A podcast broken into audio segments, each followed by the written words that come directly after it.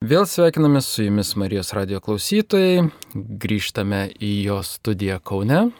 Šiandieną studijoje su jumis sveikinasi laidos vedėjas Mantvidas. Kartu su mumis studijoje yra du svečiai. Tai Marijos radio savanoris Vaidas Žvinakis Sveiki. ir Vytauto didžiojo universiteto katalikų teologijos fakulteto dekanas, diakonas Benas Ulevičius. Sveiki. Šiandieną pradedame laidą tiesos beieškant ir iš tikrųjų nagrinėsime labai aktualų klausimą. E, Bandysime paieškoti popiežiaus institucijos ir galbūt netgi ne institucijos, o netgi patos pamatinės uolos, kaip jinai pasistatė, ar jinai vis dar stovi stipri, ar jinai dar saugo bažnyčią. Bandysime įsiaiškinti, ar popiežius iš tikrųjų turi labai svarbę ir labai aktualią galbūt valdžią, galbūt hierarchinę vietą mūsų gyvenimuose, būtent katalikų mūsų gyvenimuose.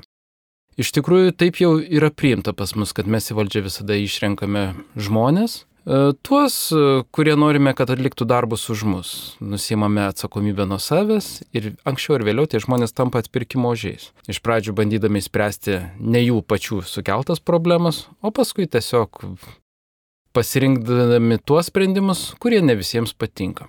Taigi, šiandieną pabandykime įsiaiškinti, kaip čia su tais yra katalikais. Kodėl jie turi popiežių, kodėl jie jį pripažįsta, o kodėl, pavyzdžiui, nepripažįsta jo ortodoksai. Nors atrodo bandoma vėl susijęti, kažkokį rasti ryšį, liktai sudaryti tokią kaip ir sąjungą popiežius, bando eiti į susitarimą su kitomis religijomis ir galbūt tiesiog ne religijomis, ne, o atšakomis. Taip pat kodėl ir protestantai mūsų nenori taip pat priimti. Benai, tai kodėl taip yra? Kodėl popiežius yra tik tai katalikų? Na, iš tikrųjų labai teisingai pastebėta, jei jau taip jau e, stambint visą klausimą, mes katalikai ir aš asmeniškai katalikas esu labiausiai todėl, kad mes tikime popiežiaus instituciją, nes jei ne popiežiaus pirmumo klausimas, savo tikėjimo turiniu galėtume būti ir rytų krikščionys, ortodoksai, pavyzdžiui. Ir tai tikrai išskiria mus katalikus, šis e, tikėjimas, kad e, popiežius turi tokią ypatingą įgaliojimą ir tarnystę vadovauti bažnyčiai tiesiog praktiškai be ribų, ar netikėjimo ir moralės klausimais, e, iškilmingai paskelbdamas, apibrėždamas tas tiesas. Man atrodo, reikėtų pirmiausiai pažvelgti į šaltinius. Taip yra todėl, kad bent jau mes e, katalikai tikrai sakome, kad žvelgiant į pačią Jėzaus mintį, kokią bažnyčią Jėzus norėjo palikti mums, kokia bažnyčia turėtų būti, ten labai labai ryškiai ir Jėzaus ir apaštalų mintyje matome tarp apaštalų Petro išskirtinumą. Ir galima labai daug diskutuoti apie istorijos peripetijas įvairias, kaip pirmieji krikščionys tą suprato, antra, trečia, ketvirta karta po apaštalų, kaip po, po to vėliau, kai kilo įtampa vis didesnė tarp Konstantinopolio ir Romos, kaip buvo suprantama šis, ši Petro tarnystė, bet mumgi rūpi e, šaltinis, mums rūpi, kokią bažnyčią mato Jėzus. Nes mesgi suprantame, kad mes keliaujame pakeliui į vis į tokį didesnį realizavimą tos Jėzaus misijos. Ir, ir ten šaknyse kažkur tai iškart bažnyčiai prasidėjus dar esant labai jaunai, tai daug visokių diskusijų galėjo būti ir kažkurie dalykai apmastyti, kiti dalykai mažiau gal apmastyti. Beje, rytų krikščionys visą laiką, visais laikais tarp patriarchų Romos patriarchą išskyrė kaip pirmą.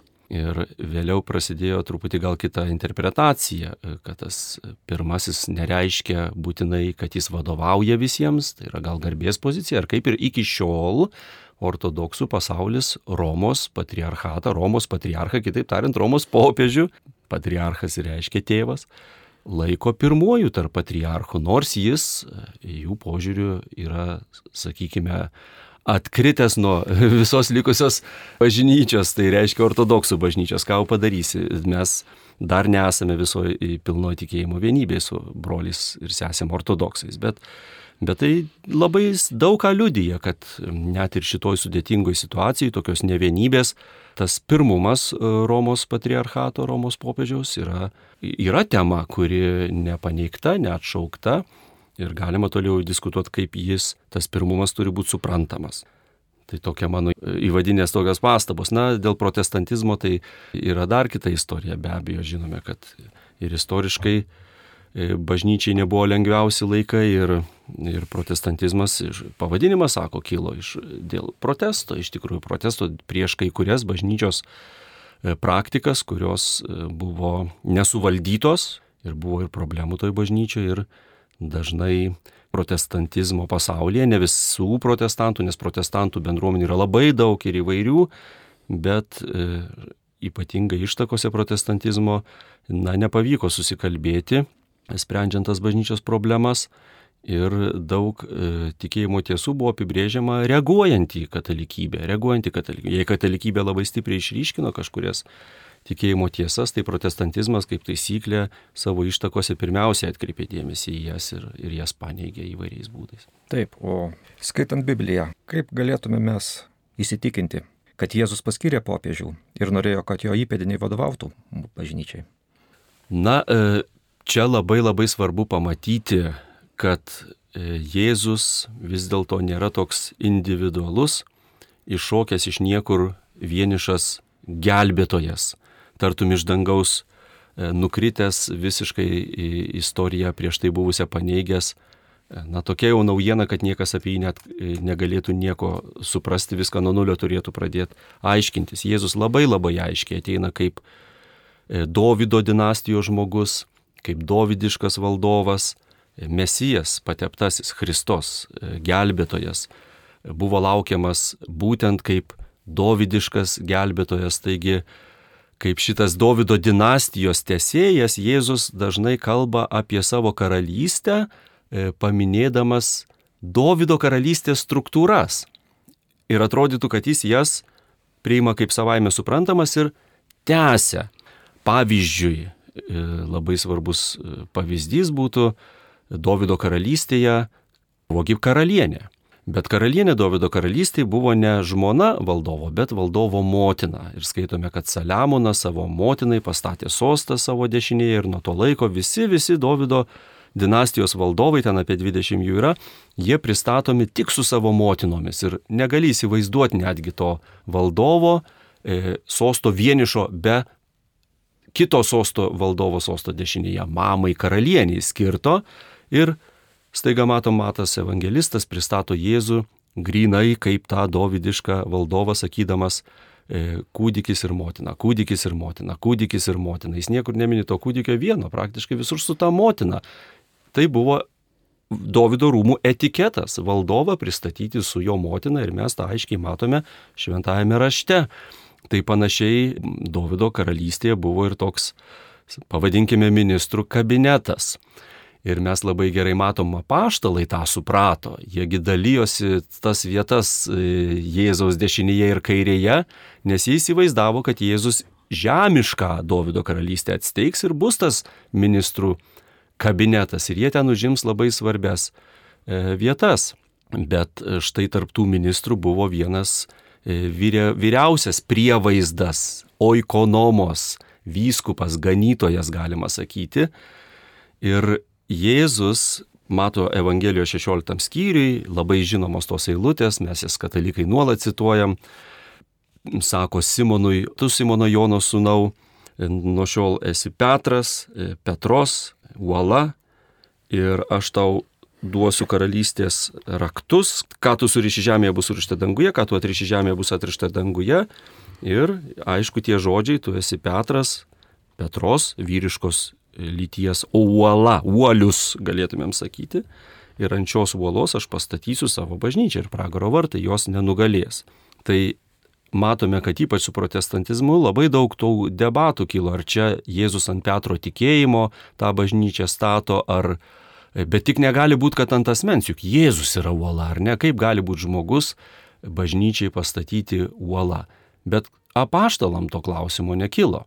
Matome, kad vėliau ir apaštalų darbuose, ir štai Morkaus Evangelijoje, ir Luko Evangelijoje e, kalbama apie Petrą ir jo draugus. Petras įskiriamas. Petrą ir kitus apaštalus. Ne vieną apie dvylika.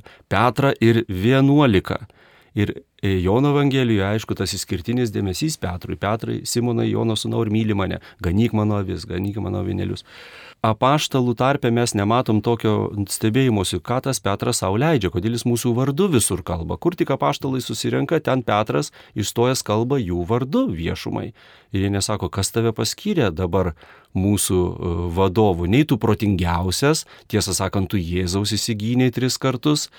Tai gal mes pabalsuokime, kas čia iš mūsų turėtų mūsų atstovauti. Šito klausimo nekyla, nes kai Jėzus sakė, tu esi uola, ir aš tau duosiu karalystės raktus, jam buvo visiškai kaip žydam tuo metu aišku, ką čia Jėzus daro.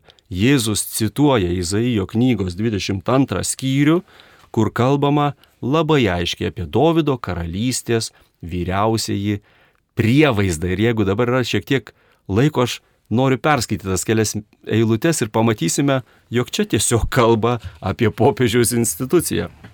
Taigi, cituoju, tą dieną aš pašauksiu savo tarną Eliekimą, Hilkijo sūnų, sako viešpats taip, apvilksiu jį tavo rūbų, apjuosiu tavo juostą ir perdusiu jam tavo valdžią. Jis bus kaip tėvas Jeruzalės gyventojams ir jų namams. Aš uždėsiu jam ant pėties Dovido namų raktą. Jis atidarys ir niekas nebeuždarys, jis užrakins ir niekas nebeatrakins. Aš įkalsiu jį kaip šulą, kaip vinį ir jis taps savo tėvo namuose šlovingus sostų. Tai čia keliose eilutėse mes matom visus atributus, e, kuriuos šventasis tėvas, Petro įpėdiniai popiežiai iki šiol turi. Tas vyriausias prievaizdas Davido namuose pirmiausiai turi raktus. Ir raktai buvo dideli anuomet, ypatingai ne romėnų raktai, bet tie žydiški raktai. Šventyklos kunigas vyriausias turi raktus. Čia dabar tas prievaizdas turi raktus, tai yra jo simbolis. Ir mes e, matome visada e, Petro sostas siejamas popiežiaus institucija su tie, tais dviem raktais. Kalbama apie rimtą užrakinimą, kurio niekas negali atrakinti. Ir atrakinimą, kurio negali užrakinti. Rabinai aiškino šitas eilutės, sako, taip, tai yra ženklas visiškos valdžios Dievo bendruomenėje. Toliau skaitome, jis aprengtas rūbų ir čia hebrajiški tokie žodžiai - kutonet ir abnet yra rūbas ir juosta. Šitie žodžiai e, vartojami, kai kalbama apie vyriausiojo kunigo baltus drobinius drabužius ir juostą tarnaujant šventyklai. Popiežius turi albą ir stulą, galima sakyti, čia kunigiški dalykai. Vyriausias kunigas turi dar ir mitrą, e, jeigu jau graikiškai kalbėti. Todėl, kad aišku, apaštalam buvo įdomu, koks graikiškas vertimas šių eilučių. Toliau, jis yra kaip tėvas tas prievaizdas Jeruzalės gyventojams. Papa, kitaip tariant, popiežius, e, patriarchas, tėvas. Mes ne iš piršto laužiam šį titulą. E, jis turi raktus, jis kaip šulas, kaip vinis įkaltas e, Davido namuose ir turime omeny tokį šulą, tokį vinį, ant kurio visus dalykus galima sukabinti. Kitaip tariant, vienybės ženklas.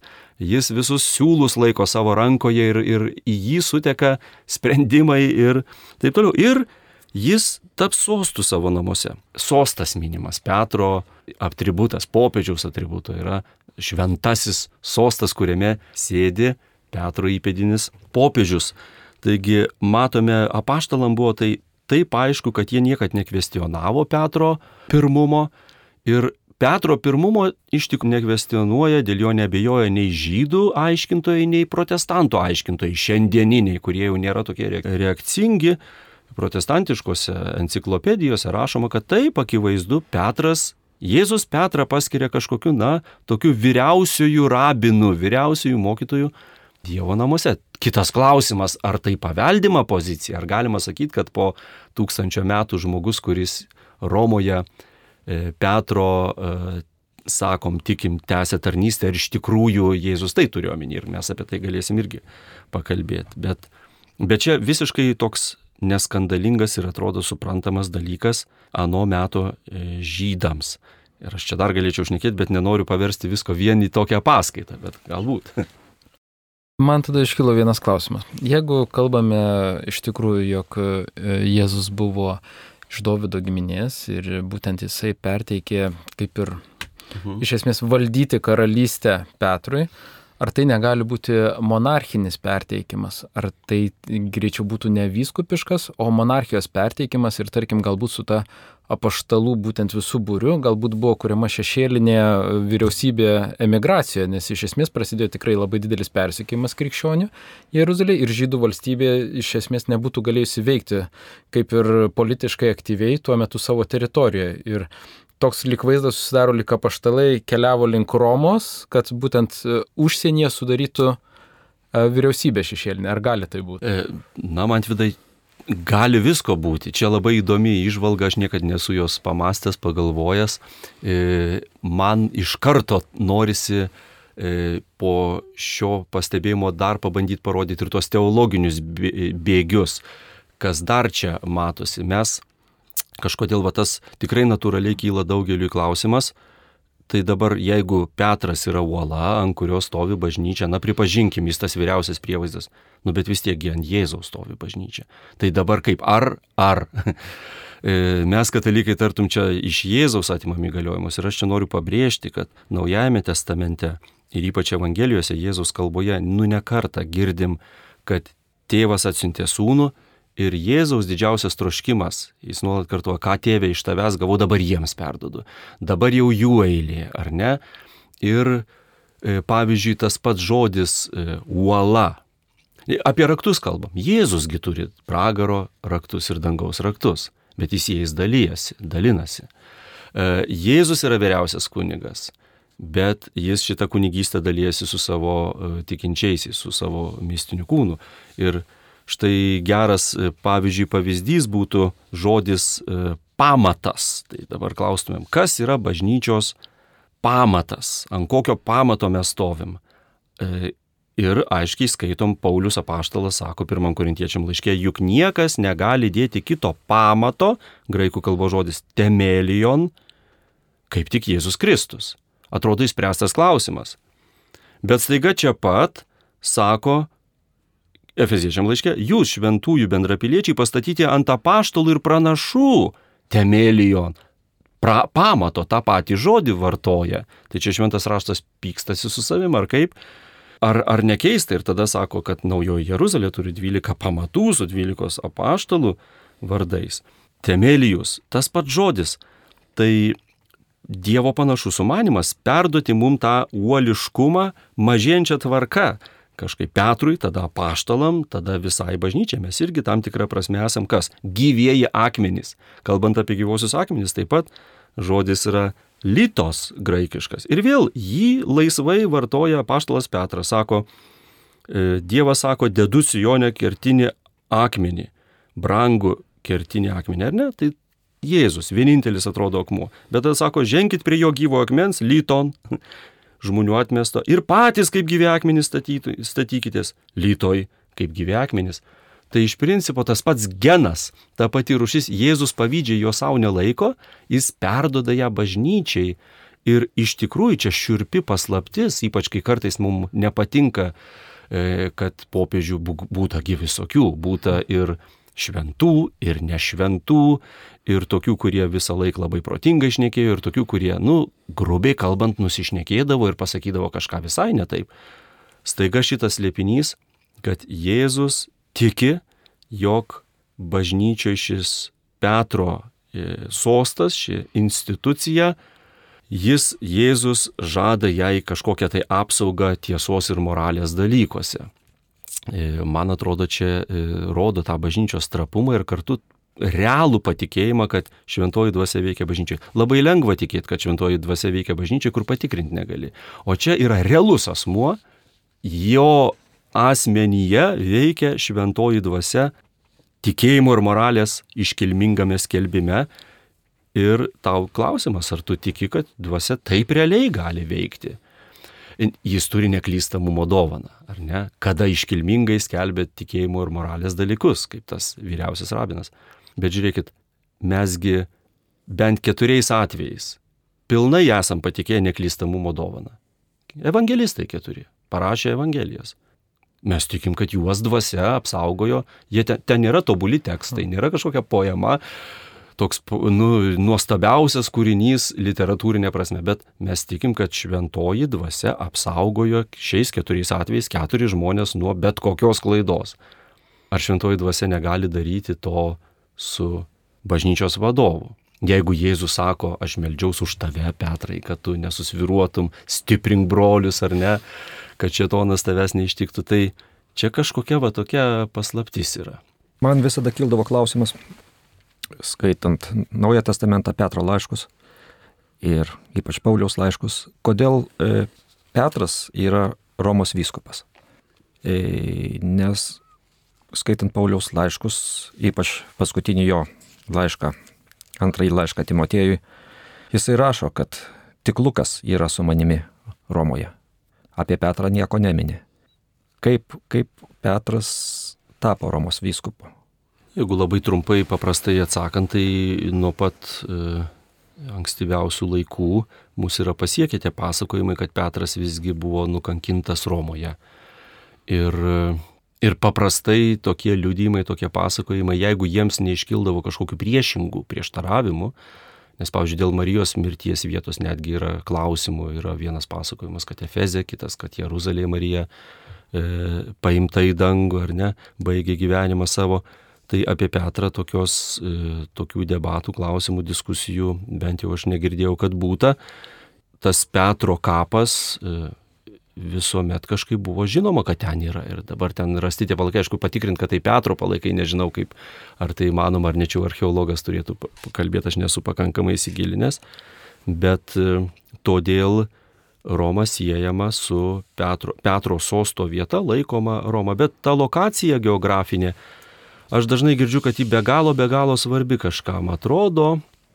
Aš jos neaštrinčiau taip smarkiai, nes Na ar Jeruzalė, ar Roma, ar Antiochija, ar Aleksandrija, e, viskas remiasi labiau į instituciją pačią. Ir institucija, žinom, pasiuntinybė, ar ne, kaip man vidai sakė, gal bažnyčios pasiuntinybė tapo Roma, galima ir taip pažvelgti. Kaip be pažvelgsi, klausimas būtų, o kur yra tas žmogus, kuris po Petro perėmė Petro tarnystę, nes matėm, kad apaštalų atveju, kai judo neliko, apaštalai sako apaštalų darbuose, kažkas turi perimti jo episkopystę, vyskupystę graikiškai ten.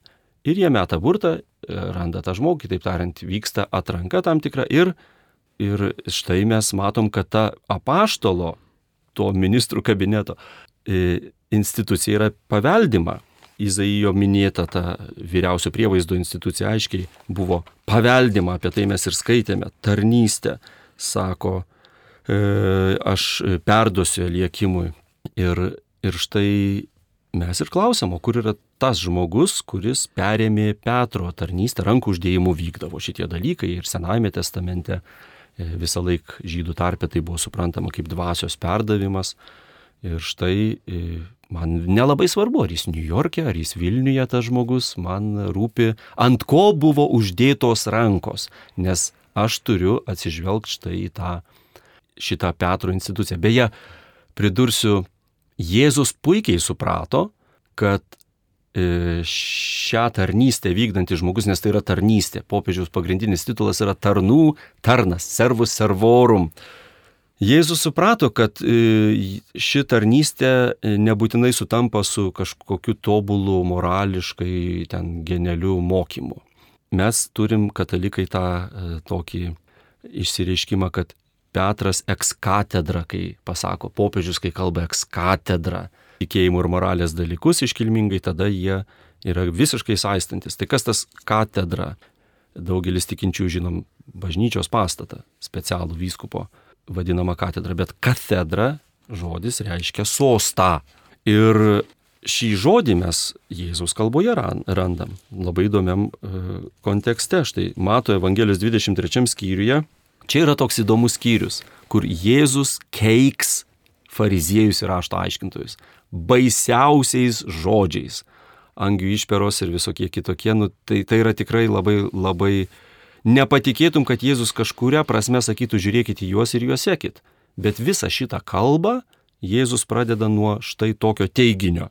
Sako, į Mozės krasę arba sostą, čia yra ta žodis katedra, į Mozės katedrą, atsisėdo rašto aiškintojai ir fariziejai. Ką tai reiškia klausytojams? Todėl, kai yra žodis todėl, reiškia, tuoj bus paaiškinta. Todėl visko, ko jie liepia jums laikytis, laikykitės ir vykdykite. Tačiau nesielkite, kaip jie elgesi, nes jie kalba, bet nedaro. Tai štai man, man asmeniškai yra visas atsakymas apie įvairiausius ten galimybę popiežiui ten nusižengti, blogi popiežiai, kokie nors ten nepataikantis popiežiai, visokių būta, kaip ir Petras buvo ne visiškai tobulas, bet aš girdžiu tą Jėzo žodį. O kas sėdi Petro katedroje, į Petro katedrą, į tą sostą, atsisėdo štai šis, buvo pašventintas šis žmogus ir visko, ką jis sako, laikykis. Bet kai jis veidmainiauja, jeigu jis veidmainiauja, nesiel kaip jis elgesi. Ir tada Jėzus vėliau iškart po to keikia tuos fariziejus ir naudoja tos žodžius. Jūs rišate sunkes nepanešamas naštas, tas surišti, ką suriši žemėje atriši. Tas pats žodis. Jūs užrakinate žmonėms dangaus karalystę. Užrakinti, atrakinti. Tas pats žodis. Tai galėtum perkelti į popiežiaus instituciją ir įsivaizduot, kaip Jėzus sako, na dabar Petro katedroj sostė sėdi tas, kas jo mokymą atstovauja. Ir kaip nuostabu, kad jis, pavyzdžiui, neveidmainiauja. Tai gali jį sekti laisva širdim ir taip toliau. Nu, jeigu matai, kad viskas jau ten kažkaip pro šalį, tai, na, įsiklausyk, aš esu davęs pažadą jį apsaugoti tiesos ir moralės dalykuose. Tai to mums užtenka. Man asmeniškai kaip katalikui to pakanka.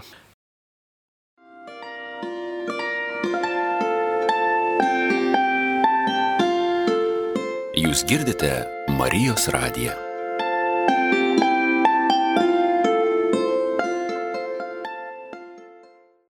Marijos radio klausytojams primenu, jog šiuo metu eterėje yra laida Tiesos beieškant. Kalbame apie popiežiaus institucijos legitumą, jos įkūrimą. O pas mus studijoje yra savanoris Vaidas Žvinakis ir Vytauto didžiojo universiteto katalikų teologijos fakulteto dekanas Diekonas Benas Ulevičius. Vystantis bažnyčiai, gimstant bažnyčiai, kūrėsi krikščionių baž...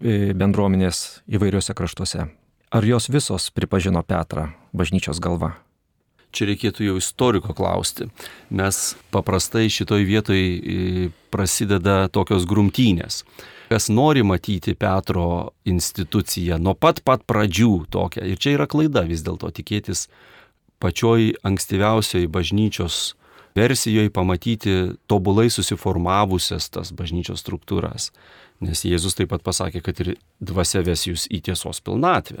Jis nesakė, kad jūs viską turite šimta procentų užkonservuota, tada nei liturgija vystytis negalėtų, nei kažkokios institucijos, nei diakonai būtų nepašventinti, tiesą sakant, nes jų nebuvo, Jėzus jų nepaliko. Jis paliko savo apaštalų su Petru, kuriem ir davė įgaliojimus spręsti apie bažnyčios disciplinas, nustatyti tokius dalykus. Tai truputį įdinga ieškoti va tokios tobulos bažnyčios struktūros. Tai kas nori ją matyti, kas nori e, e, kažkaip tai e, iškart parodyti, kad Petro institucija buvo suprantama kaip paveldima, e, kaip išskirtinė, tai nurodo į visą ten sąrašą bažnyčios tėvų, kurie kalba labai aiškiai, kad be Petro nėra bažnyčios, e, tada visokių įdomių faktų iškelia, na pavyzdžiui, Klemensas E, romietis, e, vienas iš e, ankstyviausių popiežių raštų mūsų pasiekęs Klemenso romiečio laiškas, rašo korintiečiams labai įsakmių tonų ir kyla klausimas, o kodėl korintiečiai turėtų jo klausyti, tiesą sakant. Kodėl jie neturėtų, kas jis toksai, kažkur ta Roma toli, čia ir kultūriškai svetima ir viskas. Ir jie korintiečiai labai E, turėtų maždaug pripažinti jo tą autoritetą. Tai, bet e, tie, kurie nenori matyti tos Petro institucijos, randa bažnyčios e, tėvuose visokių tokių liudijimų, kad, nu, pavyzdžiui, nemažiau svarbus ir kiti apaštaliniai sostai - Antijochija, Aleksandrija, Jeruzalė. Ir tai tikrai tiesa, nes Jėzus, matot, čia gali ir susipainioti. Tai, ką jis pasakė Petrui, imk raktus, ką suriši, tas bus surišta, ką atriši, atrišta, jis tą patį davė, pasakė ir visiems apaštalam. Bet tik tiek, kad matom Petro poziciją tikrai išskirtinę.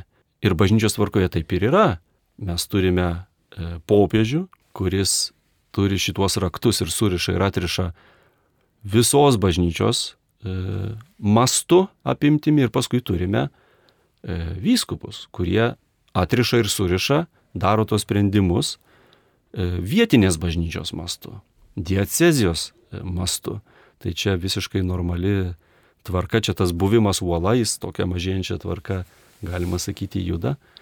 Tai labai labai tokia komplikuota būtų tema, čia reikėtų žvelgti įvairias citatas ir žiūrėti, aš čia jų turiu visokių angliškų, bet iš tikrųjų, kur Petras ten bažnyčia, šita mintis labai ryški ankstyvoje bažnyčioje. Ir vėliau, aišku, sakau, ryškiant Konstantinopolio svarbai ir Romos svarbai mažėjant, labai natūraliai, kažkaip tai geografiškai ir politiškai, nu natūraliai, jeigu tavo uh, sostinėje verda visas Romos imperijos gyvenimas, tu atrodo paveldėjai visą svorį tos Romos imperijos ir staiga e, turėti sostą paštalinį kažkokioje vos ne provin, provincijoje arba ten, kur viskas tau atrodo, kad griuvo, tu čia labai klestintis ir reikšmingas ir, ir prasidėjo ta įtampa, pabrėžti, kad Konstantinopolio patriarchas yra lygiavertis Romos patriarchui. Buvo mėginama kažkaip šitą išjudinti teiginį, bet Bet mes to nematome nei Naujajame testamente, nei ankstyvosios bažnyčios praktikoje, bent jau tokio, kad, kad būtų tas Petro Romos sostas nurungtas, sakytumėm, arba, arba kažkaip taip paneigiamas visiškai. Klausimas buvo labiau apie santykių tų patriarchatų tarp tų apaštalinių sostų, kurie labai reikšmingi ir svarbus be abejo. Čia net nėra kalbos. Taip, labai daug pakalbėjom apie Petrą. Dabar pakalbėkime apie Petro įpėdinius. Ar šventam rašte minima popiežių ir viskupų įpėdinystė? Tai čia turbūt tas e, momentas apaštalų išrinkimo, kurį aš minėjau ir yra svarbus, kad bendrai, bendrai pati koncepcija tai buvo, kad rankų uždėjimų perdodama dovana ir įgaliojimai. Ir tą apaštalai žino ir apaštalai judo vieton daro rinkimus, paskui įgalioja e, rankų uždėjimų diakonus. Labai gražus vieno teologo pastebėjimas buvo, kad apaštalai it kažkokios tai kamieninės lastelės.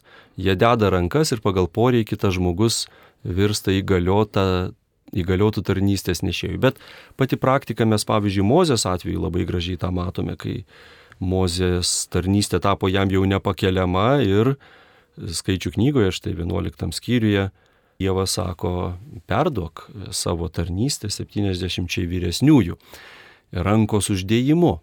Ir tuo rankos uždėjimu dalis Mozės dvasios pereina jiem. Tai čia gal taip grubiai pasakyta, galim interpretuoti, kas čia yra, kaip čia būtų, bet sukcesija tam tikra. Iškilo man klausimas, e, jeigu mes kalbame apie būtent įpėdinystę, tai yra ir popiežių, ir vyskupišką įpėdinystę, iš esmės lygiai taip pat rankomis yra išventinami ir kunigai. E, ir jūs, kaip minėjote, e, suteikta jiems yra teisė atrakinti ir užrakinti. Tai lygiai taip pat kaip ir vyskupams lokaliai savo teritoriją atrakinti ir užrakinti. E, klausimas, ar tikrai viskas eina pagal Dievo planą. Dievulis mums suteikė teisę į laisvą mintį, laisvą mąstymą, laisvą elgesį, aišku, ne, ne, ne kažkokią kitokią prasme, bet tiesiog pasirenkant savo gyvenimo prioritetus.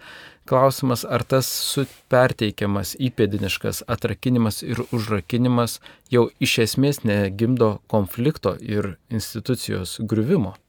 Tai be abejo, čia labai praktiškas jau klausimas. E, man atrodo, be galo svarbu yra patikslinti ir gal man reikėjo nuo to ir pradėti visgi, ką mes turim omeny, e, kalbėdami apie popiežiaus neklaidingumo dogmą.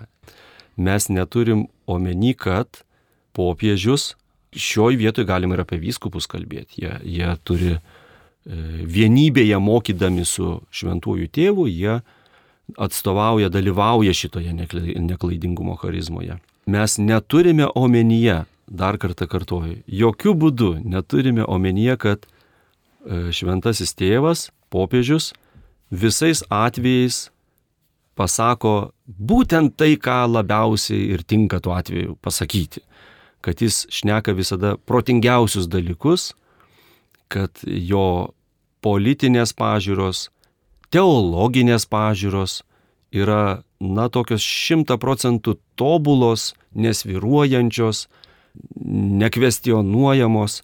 Šito mes neturime omenyje. Mes turime omenyje Tik tai labai ypatingą atvejį e, šventasis tėvas kartu su visais ganytojais, viskupais visuotinėme susirinkime arba, ir tai labai labai labai jau išskirtinis atvejis, pats individualiai įvertinęs viską, iškilmingų būdų skelbia, apibrėžia tikėjimo tiesą, kalbėdamas aiškiai tą indikuoja, kad aš dabar kalbu iš sosto ex katedra, kaip Petro įpėdinis.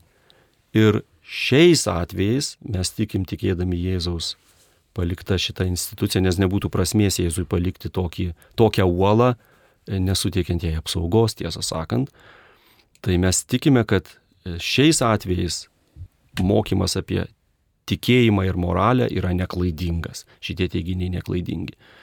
O greta to yra, yra tiesiog daugybė įvairių galimybių suklysti, diskutuoti, popiežiai skiriasi. Ir e, jų teologinės pažiūros skiriasi, jų patirtis skiriasi, jų požiūris į pasaulio realiją skiriasi, jų gebėjimas reaguoti taikliai ir greitai skiriasi. Vienas popiežius labiau patylė. Beje, tiesą sakant, popiežius Pranciškus iš viso, ko gero, yra pirmasis, kuris taip laisvai iš vis tuos interviu duoda.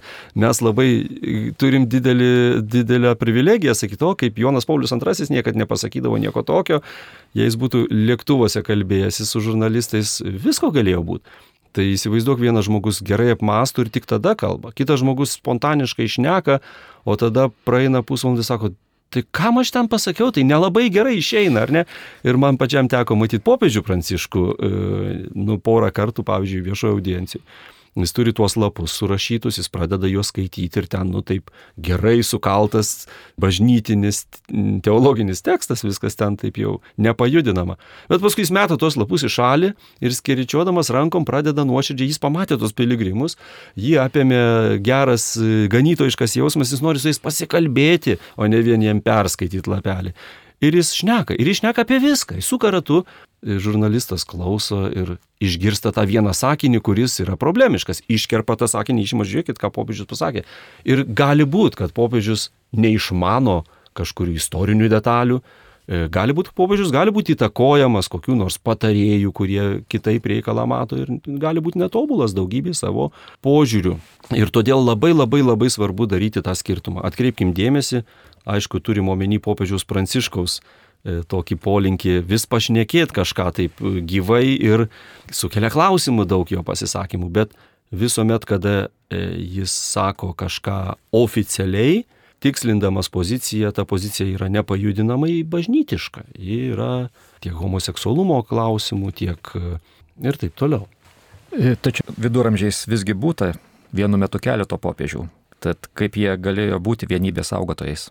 Na, paprasčiausiai atsakyti būtų visada buvo vienas popiežius ir kas nors, kas apsiš, apsišaukia popiežiumi. Ir tada, aišku, e, tikintiesiam yra painiava suirutė, įsiaiškinti, kaip čia kas yra, bet, bet tas, e, ta pozicija, tas Petro įgaliojimas perdodamas vienam žmogui. Ir, ir dažniausiai šitokiuose temuose tada jau, nu, čia jau aš jau kviečiau gerą istoriką ir tada jį remčiau prie sienos. Ir, Ir galima šitos įsiaiškinti dalykus, tikrai jie labai visai kitai pasirodo, kai mes juos išgirstam ne iš tikrai dažnai būna tų stereotipinių tokių žiniasklaidos paskleistų apie popiežią Joaną, apie, apie visokius nesusipratimus, pasiaiškini gerai istoriškai, pasirodo, kad arba nei ten buvo, nei ten ką, arba buvo visai kitaip ir daugiau niuansuota ta situacija buvo, negu mum sovietiniais laikais pristatydavo arba dabar sekuliari žiniasklaida norėtų, mėgsta taip jau skanius tokius bažnyčios paneigimo faktus pateikti, tai reikia pasigilinti dažniausiai. Iš tikrųjų, tai mes ir mielai pasigilinsime, tik tai mūsų šita jau laida priartėjo prie pabaigos. Jau šiandien pabaigsime ieškoti tos rado to mūsų popiežiško. E, šiandien laidoje tiesos bieškant dalyvavo Marijos radijos savanoris Vaidas Žvinakis, e, taip pat Vytauto didžiojo universiteto katalikų teologijos fakulteto dekanas Diakonas Benas Ulevičius. Na ir aš jūsų nuolankus tarnas. Kągi, mėly klausytojai, iki susitikimo kitą kartą, kuomet pabandysime giliau pažiūrėti į naujuosius popiežius, ne tik į pirmąjį. Palaiminto laiko. Sudė. Ačiū su Dievu ir pridursiu trumpą eilutę, Luko Evangelija 22 skyrius 28 eilutė, Jėzus sako, aš jums skiriu valdyti karalystę, kaip ir man yra skyręs tėvas. su Dievu.